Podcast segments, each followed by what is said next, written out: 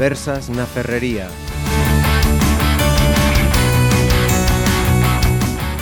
Saludos, bienvenidos a estas conversas na Ferrería que hoy tienen sobre la mesa una mm, cuestión para mí mm, que va a resultar muy llamativa. Mayores y nuevas tecnologías. Era un tema que tenía pendiente desde hace un tiempo, pero hace muy poquitos eh, días, viendo la televisión de repente, aparece una información sobre lo que llamaban el abuelo viajero, Juan José, un señor mayor que nos presentaba o daba, trascendía su canal en YouTube llamado Atrapa a tu abuelo y que se dedicaba pues eso a contar eh, sus viajes con el único objetivo pues de acercarse un poquito más a sus nietos.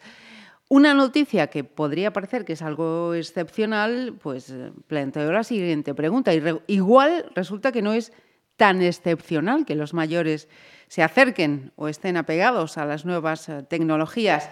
Así que vamos a charlar de esta cuestión con Tamara Amado, que es educadora social de Ategal, Aulas Tercera Edad de Galicia. Bienvenida. Hola, buenas tardes. También contamos con Víctor Sariego, que es eh, periodista especializado en geriatría y gerontología. Bienvenido.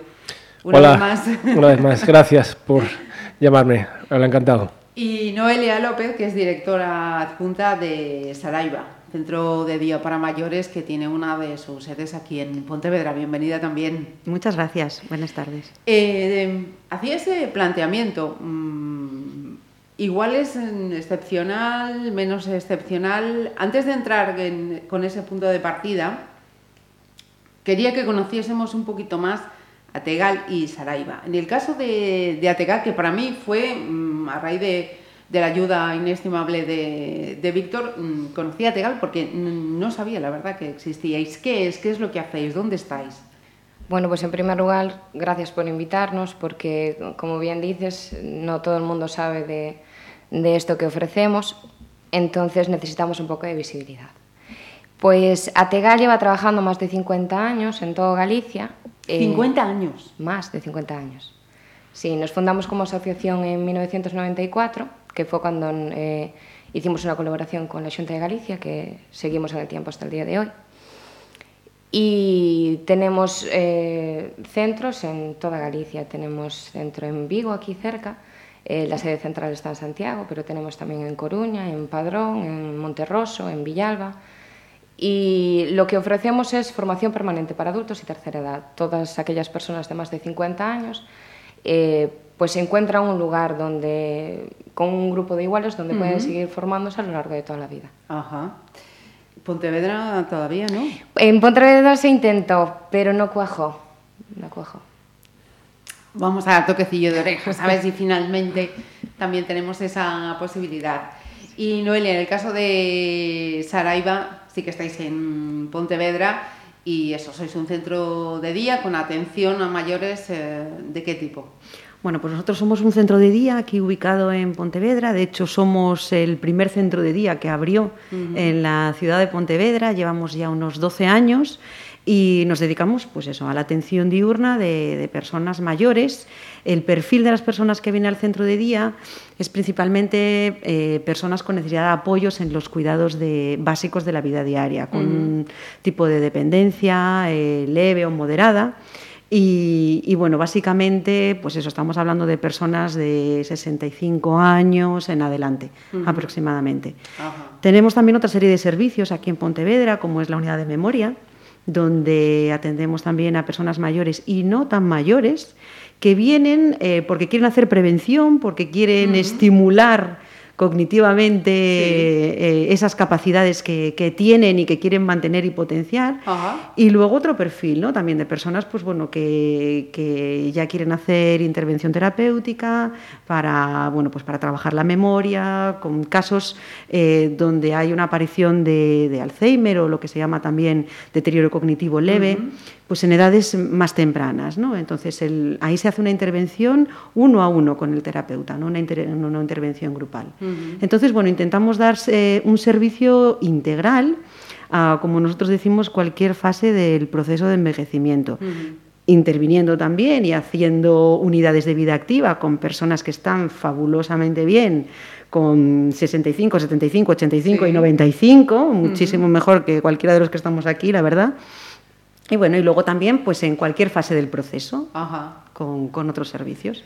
Eh, ponía al comienzo de, de, esta charla ese ejemplo de Juan José, creo que, que se llamaba, este abuelo youtuber, y hacer eso, una información que trasciende en, los medios de comunicación de esa manera, em, parece que es algo excepcional. Pero Víctor, tú que estás manejas datos y cifras, esto, esta iniciativa del abuelo Juan José es excepcional o resulta que nos podemos sorprender de la cantidad de mayores que que están que tienen manejo Utilizando de las, nuevas tecnologías. Yo que soy un poco friki de, las TICs, la verdad que además me competen el trabajo, eh, te he de decir que no es para nada excepcional, todo lo contrario. Lo que pasa es que a lo mejor eh, son usuarios de otro tipo, no son a lo mejor tan llamativos o estaban un poco, digamos, un poquito en la sombra, también un poco creo que por la cultura que ha habido hasta hace bien poco, eh, de los estereotipos, ¿no? esos estereotipos que yo en periodismo lo estoy percibiendo todavía hoy, que son tan, tan negativos, tan discriminatorios. Y en el caso de las personas mayores, pues mm, poco más o menos que los hemos hecho tontos. Eh, como pasaba con las niñas hace unas décadas con el tema de la informática, no toques, no toques, ¿no? A las mujeres, a las niñas, a los chicos no. No toques a ver si vas a romper algo. Con las personas mayores ha pasado un poquito parecido, ¿no? ha habido un poco el estereotipo, la educación, la tradición de que bueno, las personas mayores no podían porque no sabían, porque eran más o menos tontas y ellos eh, se han dado cuenta de que bueno, que esto es, es algo muy absurdo, de que les facilita la vida, de que les facilita la comunicación, de que les da beneficios y eh, cada vez se suman más y con una rapidez eh, mucho mayor. ¿no? Datos que nos gustan mucho los periodistas, como siempre. Datos de la Fundación Telefónica de hace eh, una semana.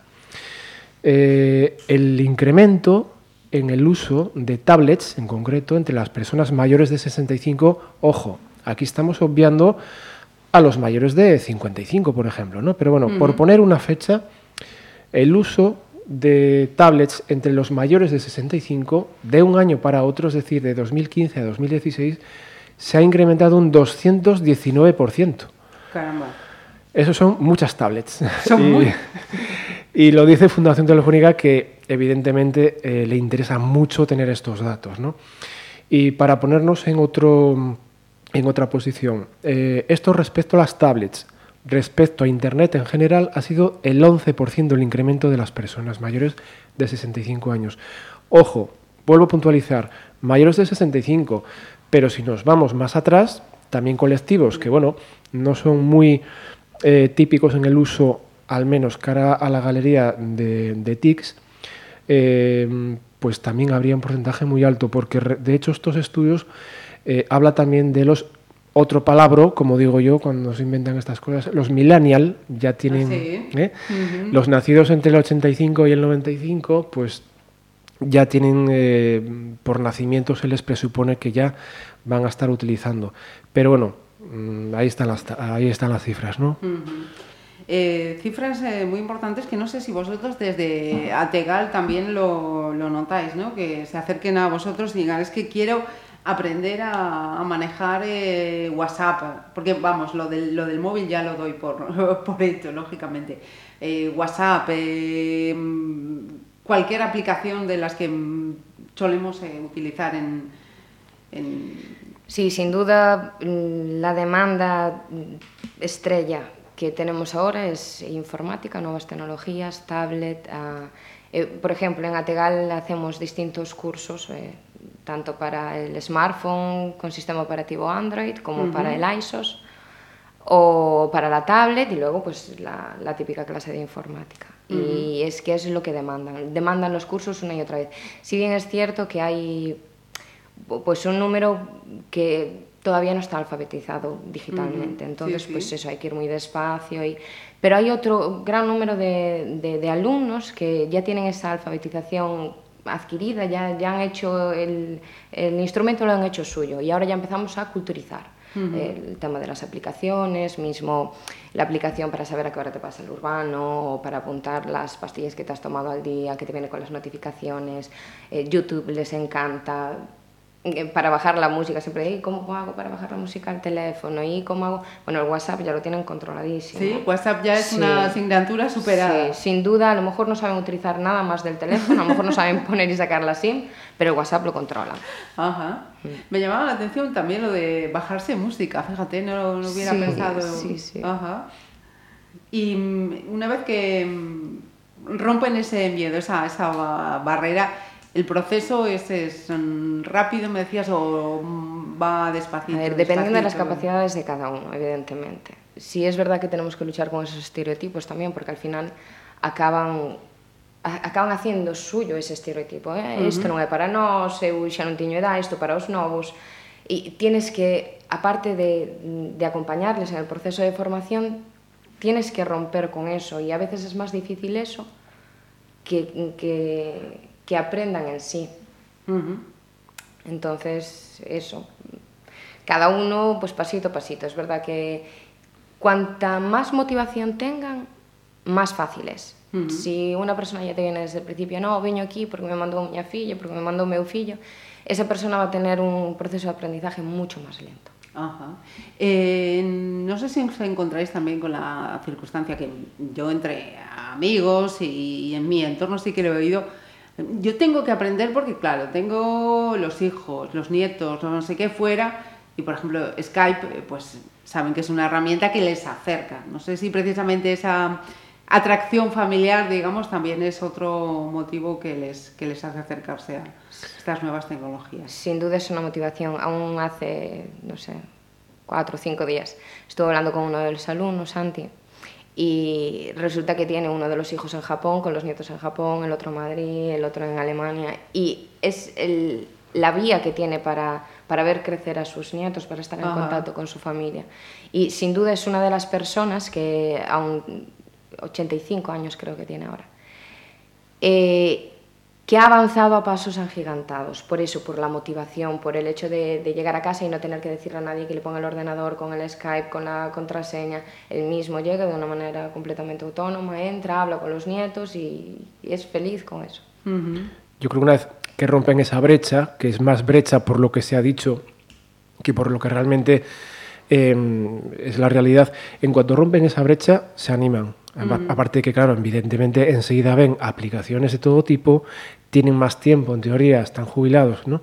Para poder invertir, no gastar, sino invertir, eh, sobre todo en ocio, según veo en este estudio también de Fundación Telefónica. Eh, de hecho, el, la mensajería instantánea es el, el, el, porcentaje que más ha crecido, un 180%. Mm. Claro, yo, en cuanto rompen lo que decíamos, ese estereotipo, esa, esa autoimposición de que no valgo, soy mayor, soy tonto, soy esto para la juventud, descubren todo lo que hay y, y enseguida lo encuentran en aplicación, evidentemente. Uh -huh. Yo recuerdo un taller de Ategal, precisamente, que había una señora mayor que se enfrentó por primera vez a una tablet y cuando ella fue capaz de ver a través de mensajería instantánea de vídeo que podía hablar con su nieto en Argentina, bueno, bueno, aquello era como magia y fue un despertar a algo alucinante, ¿no? Y de hecho, no solo eh, se animan, se rompen con todo ello, sino que se molestan, invierten mucho tiempo y además no se, mm, no se echan para atrás con nada. Es decir, eh, es, eh, no sé, de esto no tengo cifras, pero mm, nos podrá Noelia y, y desde Ategal también, perdón, nos podrán decir algo de que también se atreven con, con, con Apple, quiero decir. Uh -huh. iPad, iPhone, sí, sí. Eh, FaceTime. Lo que sea. No sé, ¿no? En vuestro caso eso, ¿notáis también que una vez que pierden ese miedo ya... Sí, en nuestro caso es exactamente igual. En el centro de día sí que podríamos decir que las personas que vienen a lo mejor no tienen ese conocimiento previo, que quizá nunca antes se han sentado delante de un ordenador, pero tenemos que decir que nuestra gran aliada, además de la tablet, son las, las macropantallas táctiles que hacen que desde el día uno se pongan a hacer eh, bueno, pues ejercicios de estimulación cognitiva, eh, bueno, y además ayuda mucho el ver a compañeros, ¿no? Mm. Ver cómo el compañero te cuenta, bueno, pues yo cuando vine no tenía ni idea y ahora tal, y muchos acaban comprándose la tablet o acaban recibiendo como regalo de su familia, de sus hijos, una tablet. Y ahí, bueno, pues eh, Apple, de cualquier marca, les, les descargamos aplicaciones y luego continúan con el trabajo en casa y, y, lo que decíais al principio es muy motivador por el hecho de poder sentarte pues con tu nieto a hacer algo, compartir algo dentro de, de, ese, de ese canal, ¿no? de, de, ese canal y que, que, ofrece el compartir el uso de, una tablet con ellos y, y, te da pie pues eso a generar nuevos momentos ¿no? Sí, ¿no? Eh, y, con y además es, esos lazos, ¿no? la generación mm. digital ahora de los más pequeños sí. que, que, pueda unir ese medio digital claro. a los abuelos y a, y a los Exacto. pequeños es algo muy jugar, maravilloso. O, o, jugar online, eh, compartir eh, videojuegos online, fotos online. En fin, no, no, hay, no hay prácticamente barreras en lo, en lo, digital de momento, ¿no? Y luego, a ver, hay otra, hay otra faceta muy importante, eh, para bien o para mal, ¿no? Las marcas se están poniendo las pilas, quiero decir. Eh, las personas mayores en 30 años va a ser el 15 por, eh, van a ser 15 millones en España, ¿no? Uh -huh. 15 millones de personas mayores, ¿no? El 30-32% de la población. Eh, visto a nivel frío y comercial, es, es un sector muy importante no solo como, como posible consumidor, prosumer, que se dice ahora, un prosumer uh -huh. es un consumidor que interactúa, ¿eh? ya no nos vale solo con comprar, sino hay que interactuar, hay que preguntar, hay que mmm, criticar un producto si no funciona, eh, sino también a nivel terapéutico. Vamos a ver, las tablets tienen una cantidad de aplicaciones terapéuticas. Eso es lo que te quería preguntar, si la industria, de por una parte, luego os pregunto por la administración, claro, pero si la industria también está pensando o ha pensado... ¿no? A marchas aceleradas, porque se dan cuenta que evidentemente hay muchísimas personas mayores que no quieren ser institucionalizadas o quieren serlo solo unas horas al día y tanto en el centro de día como en su casa, como en la residencia, utilizan no solo terapéuticamente, sino a nivel de ocio y a nivel también de, de, de beneficio eh, mental, físico y de emergencia. Uh -huh. Porque hay programas, hay tres desarrollados por la Junta de Galicia, están aparcados, es una pena porque no encuentran infraestructura o, o el arranque económico, pero ahí están, uno de ellos patrocinado por la universidad, eh, en el cual pues, eh, hay, un, hay un sistema, por ejemplo, de tablet, que aúna ocio, emergencia, eh, entrenamiento cognitivo, relaciones sociales, en fin, que es, es un mundo, ¿no? Uh -huh. Y me dices que, que está en un momento... Eh, para sí, son tres proyectos, eh, telegerontología, eh, Mi Avizor y, y, hay otro que no recuerdo muy bien, este iba por la televisión, creo que lo han apartado un poquito, pero los tres funcionan un poco en ese sentido, es decir, interactuar personas mayores y con productos específicos, terapias específicas, entrenamiento cognitivo, sistema de emergencia, relaciones sociales, eh, en fin, un mundo.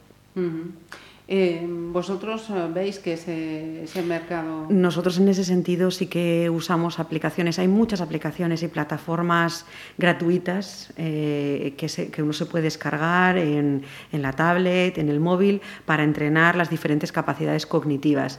Si bien, como decías, la industria se está poniendo las pilas y cada vez nos ofrecen a los centros profesionales aplicaciones que previo pago incluso te ayudan a trabajar eh, de la mano del terapeuta en lo que se llaman en el sector los, en este palabra en inglés, de serious games, ¿no? Uh -huh. Son juegos eh, en serio, juegos para adultos, porque una de las cuestiones que veíamos era que muchas de estas, de estas plataformas online no diferenciaban eh, los juegos tanto para niños como para adultos. Y ese es un paso que ya se está dando en las plataformas profesionales, donde no solo se valoran las capacidades del usuario, sino que toda esa plataforma se adapta en función de esas capacidades, uh -huh. con lo cual tú puedes entrenar tú solo, de la mano del terapeuta o incluso en grupo. Y esos juegos serios, esos serious games, uh -huh. se adaptan al usuario, planteándote nuevos retos para trabajar las diferentes capacidades y como decía aquí el compañero Víctor, ¿no? Uh -huh. Se trabajan eh, capacidades cognitivas,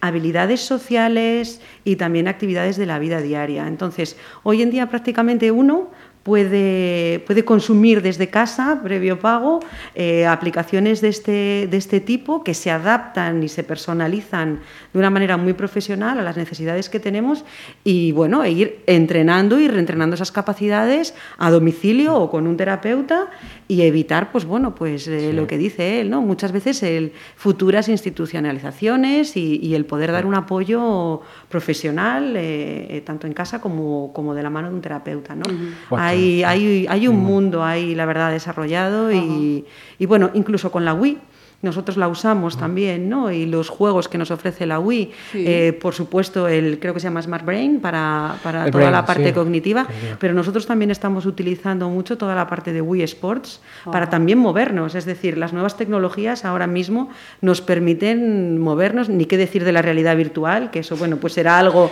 que entraremos a explorar dentro de poco, pero... 2020 está previsto que empiece ya la venta eh, pública y masiva de realidad virtual. Y hay las aplicaciones terapéuticas y médicas son impresionantes. Mm. Sobre todo temas mentales. ¿eh? Mm. Y ahí vemos demencias, eh, trastornos mentales, envejecimiento. Mm. Los robots también, el año que viene ya van a estar a la venta, lo mismo. Va a tener que ser tecnología programada y programable. Y ahí seguro que la persona mayor va a tener muchísimo que hacer y muchísimo que beneficiarse. ¿no? Eh, los coches autodirigidos, quiere decir que va, todo por aquí. ¿no?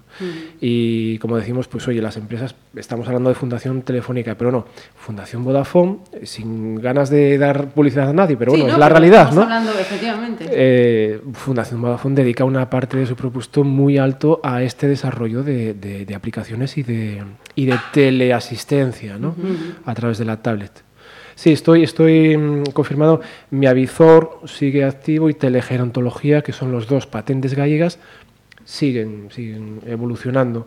Es una pena porque telegerontología, por ejemplo, eh, tiene incluso eh, un sistema de mm, telemedicina, en el sentido que tú, por ejemplo, no solo todos los días mm, estando bien, digamos, o, controlado dentro de tu envejecimiento o de tu enfermedad crónica, sino que eh, si un día te sientes mal por cualquier circunstancia, de forma, a ver, limitada, evidentemente a la distancia, pero tiene muchas eh, posibilidades de medirte parámetros médicos.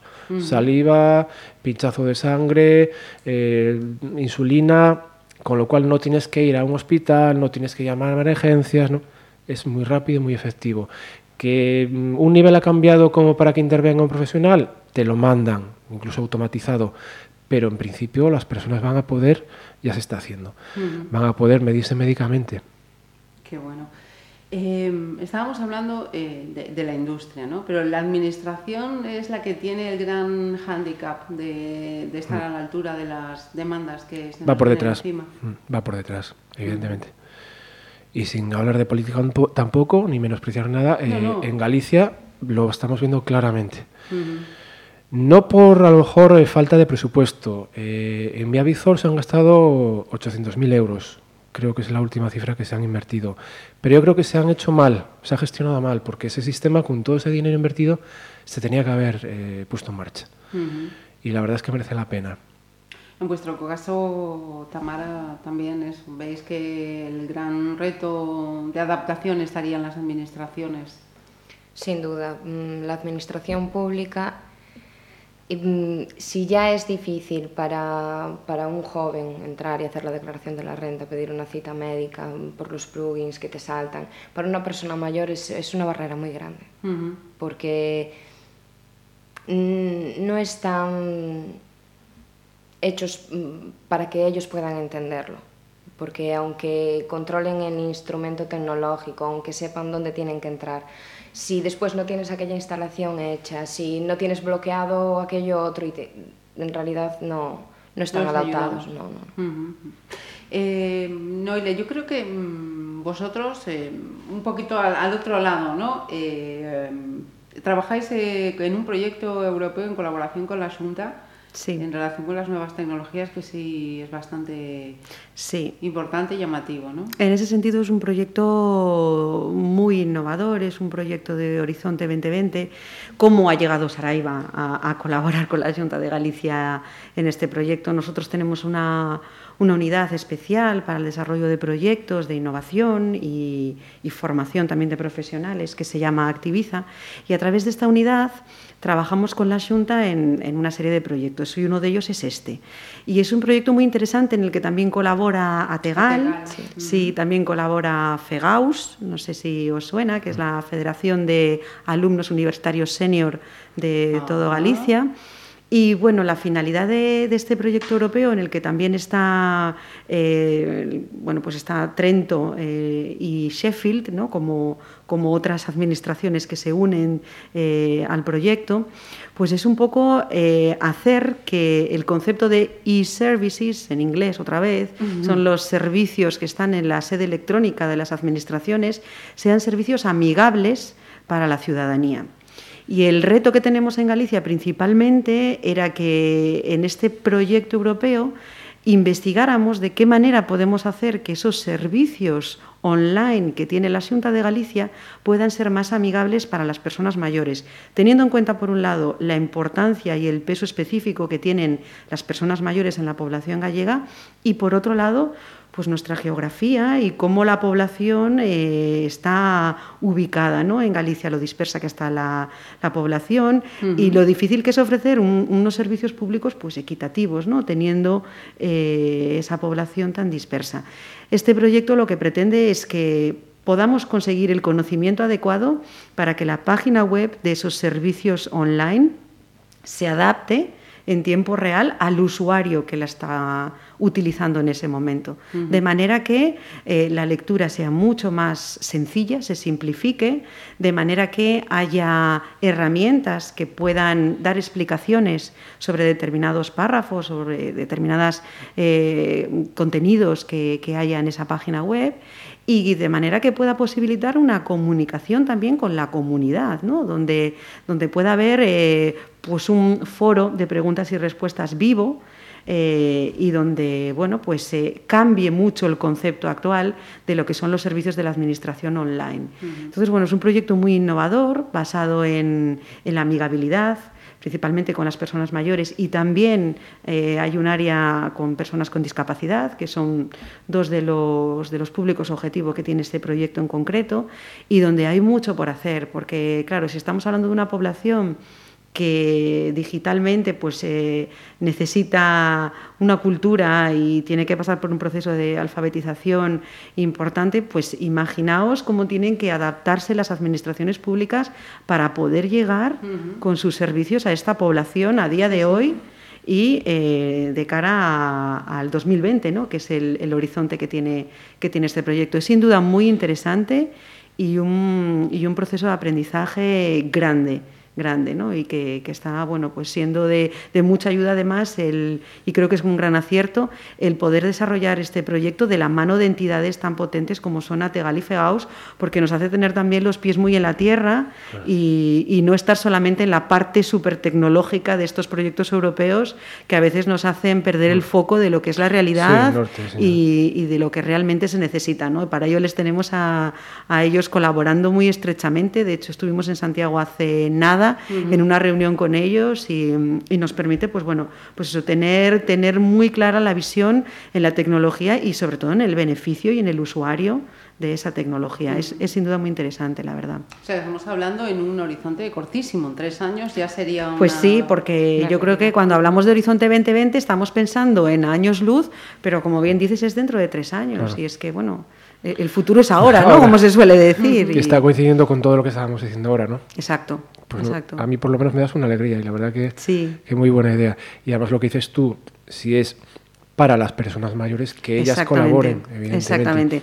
Para, y eh, por y con ellas. Desarrollado con ellas, justamente. Que es como creemos que se deben hacer, de hacer eh, estos proyectos. Es una realidad que no se puede evitar. Eh, pasa un poquito parecido con el tema de las personas sordas, ¿no? Sí. Pues que la administración en algunos ámbitos todavía está por detrás cuando además por ley está eh, designado que tiene que haber traductores de lenguaje de signos en todas las instituciones y no está funcionando. Entonces con esto va a pasar un poco parecido. Y luego Galicia es que, tú lo mencionabas, eh, ya es la segunda comunidad autónoma más envejecida de España, ha pasado en breve de ser la tercera, un puesto, de, de terceros a segundos, y además con particularidades únicas en el mundo, o sea, la dispersión que hay aquí, la orografía, el que dos personas mayores vivan juntas, o tres o cuatro, que el número de mujeres mayores de 80 sea el primero de toda España, que haya 1.100 em, mm, centenarios, son todo, vamos, es una particularidad eh, única y para unas cosas pues también eh, pues maravillosas, ¿no? Por qué decirlo así. La verdad es que sí.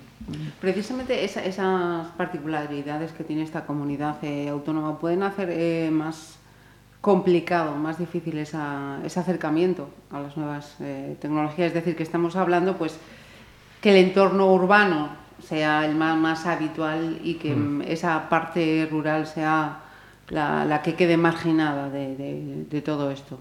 Eh, yo no quiero monopolizar el debate, pero bueno, yo creo que esto va a ser una respuesta muy gallega. Depende, ¿no? Quiero decir, ahí es la dependerá de la implicación, evidentemente. En teoría, precisamente por ser nueva tecnología, no tendría por qué.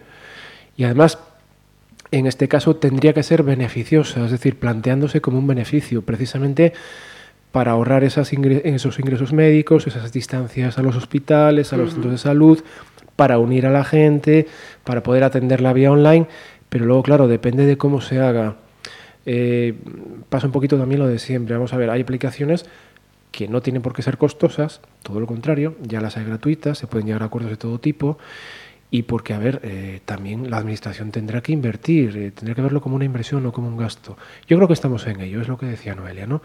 Que una vez que estás viendo los beneficios que tiene en todos los sentidos, que es echar a andar y, y buscar la manera de ponerlo a funcionar y que sea beneficioso eh, para, para todos, ¿no? En definitiva.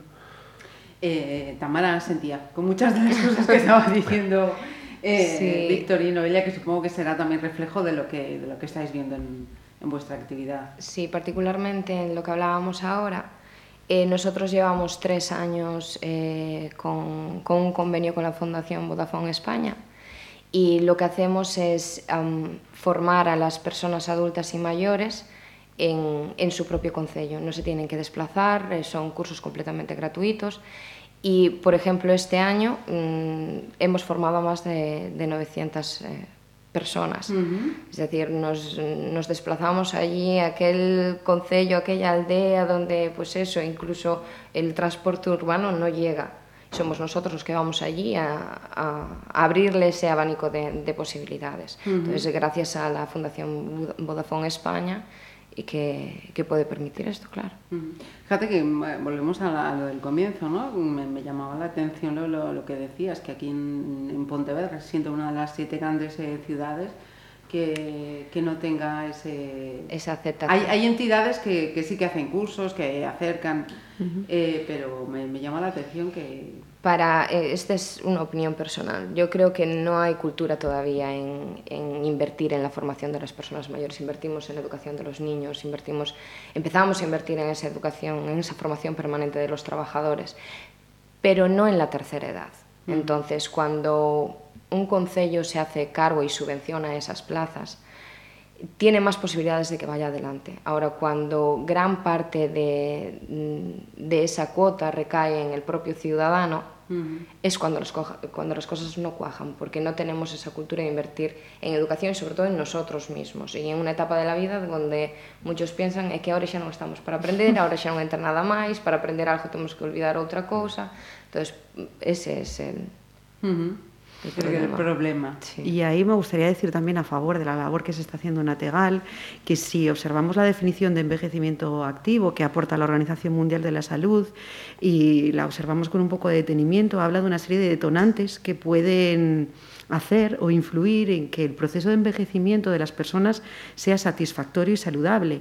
Y una de esas cuestiones clave, uno de esos eh, detonantes y determinantes, es el concepto de aprendizaje para toda la vida aprendizaje permanente. Entonces, eh, la labor que se desarrolla desde Ategal es que va directamente A eso, ¿no? Y, y lo que falta, pues bueno, quizás un poco de conciencia global, ¿no? Por parte de, de todos, concienciación y sensibilización. Una concienciación Y- ciudadana y, Mm. pues, sin duda, por parte del Estado. Y pensar que al final estamos hablando de, de la importancia de, de la promoción de la autonomía y de la prevención, ¿no? Que- Que, que eso, invertir ahí Ese, yo, creo, yo creo que la palabra es esa, invertir, no gastar, ¿no? exacto. Sí. Con, incluso eso, mm, delante de un problema tan grande como tenemos como es el envejecimiento de la población y, y dolencias pues como, como el, el Alzheimer, Que, que, sí, como siempre decimos, yo estoy ahora trabajando con la Sociedad Gallega de Geriatría y Gerontología y llevan insistiendo mucho en esto. ¿no? Vamos a ver, envejecer no es un problema, el problema es no atender el envejecimiento y no atender las nuevas necesidades que tiene el envejecimiento. ¿no? Decía Noelia lo del envejecimiento activo, eh, bueno, en 2012, que fue el año europeo del envejecimiento, no solo decían activo, decían activo, positivo, digno y saludable. Quiero decir que eso engloba muchos frentes, ¿no? Y las instituciones, pues, eh, o, os apuntan o se apuntan. Quiero decir que mm, no solo por el número de personas mayores que va a haber dentro de unos años, que ya las hay, por la edad que van a tener, ha aumentado, otra vez la esperanza de vida. En España, el 88, 88 años para las mujeres y 83,47 para los hombres. O sea que durante más tiempo, más gente va a estar reclamando nuevos tipos de envejecimiento, nuevas necesidades aplicadas además a unas personas que dentro de 30 años será la, la baby boom y además gente que ya está más acostumbrada a la tecnología y que lógicamente y por beneficio propio va a querer otras cosas. Sí, sí. Sin duda una oportunidad para los que estamos dedicados en cuerpo y alma a este mundo, ¿no? por así decirlo y que ya es una cuestión que va más allá de, bueno, pues vocacional en primer lugar y, también pues nuestra, nuestra vía profesional. ¿no? Eh, nos gusta verlo, o hablo por mí, como, como una oportunidad. Y si ya ponemos encima de la mesa también las nuevas tecnologías, pues también tiene que hacernos un poco reflexionar ¿no? y, y repensar cómo estamos ofreciendo nuestro servicio y entender los nuevos perfiles de, de mayores que vienen y que nos dan muchas vueltas también en muchas cosas y que, bueno, saber aprovechar también todo ese talento, redirigirlo y, verlo como la grandísima oportunidad que es también, ¿no? Para, pensar en, nuevas vías y nuevos modelos, y no quedarnos ahí anclados. Y ahí el gran reto que veo con esto, ya si queréis, eh, es que eso pueda llegar a todo el mundo. Eh, es decir, eh, ya está asumido que eso lo va a necesitar y lo va a querer y lo va a solicitar toda la población. Yo creo que otro de los retos para las instituciones es, pues precisamente hablando de Galicia, la dispersión poblacional, que sean capaces de hacerlo llegar a todo el mundo. Que no va a ser caro porque a la larga, lo de siempre, va a ahorrar en costes sanitarios, en costes de salud, es buscar la manera. Pues eh, que así sea, hemos dejado caer el, guante y yo me alegro profundamente que haya muchos eh, yayos que se que se animen y que estén eh, perfectamente integrados en el, en el, mundo de las nuevas eh, tecnologías. Eh, Tamara, Noelia, Víctor, que muchísimas gracias a los tres. A vosotros.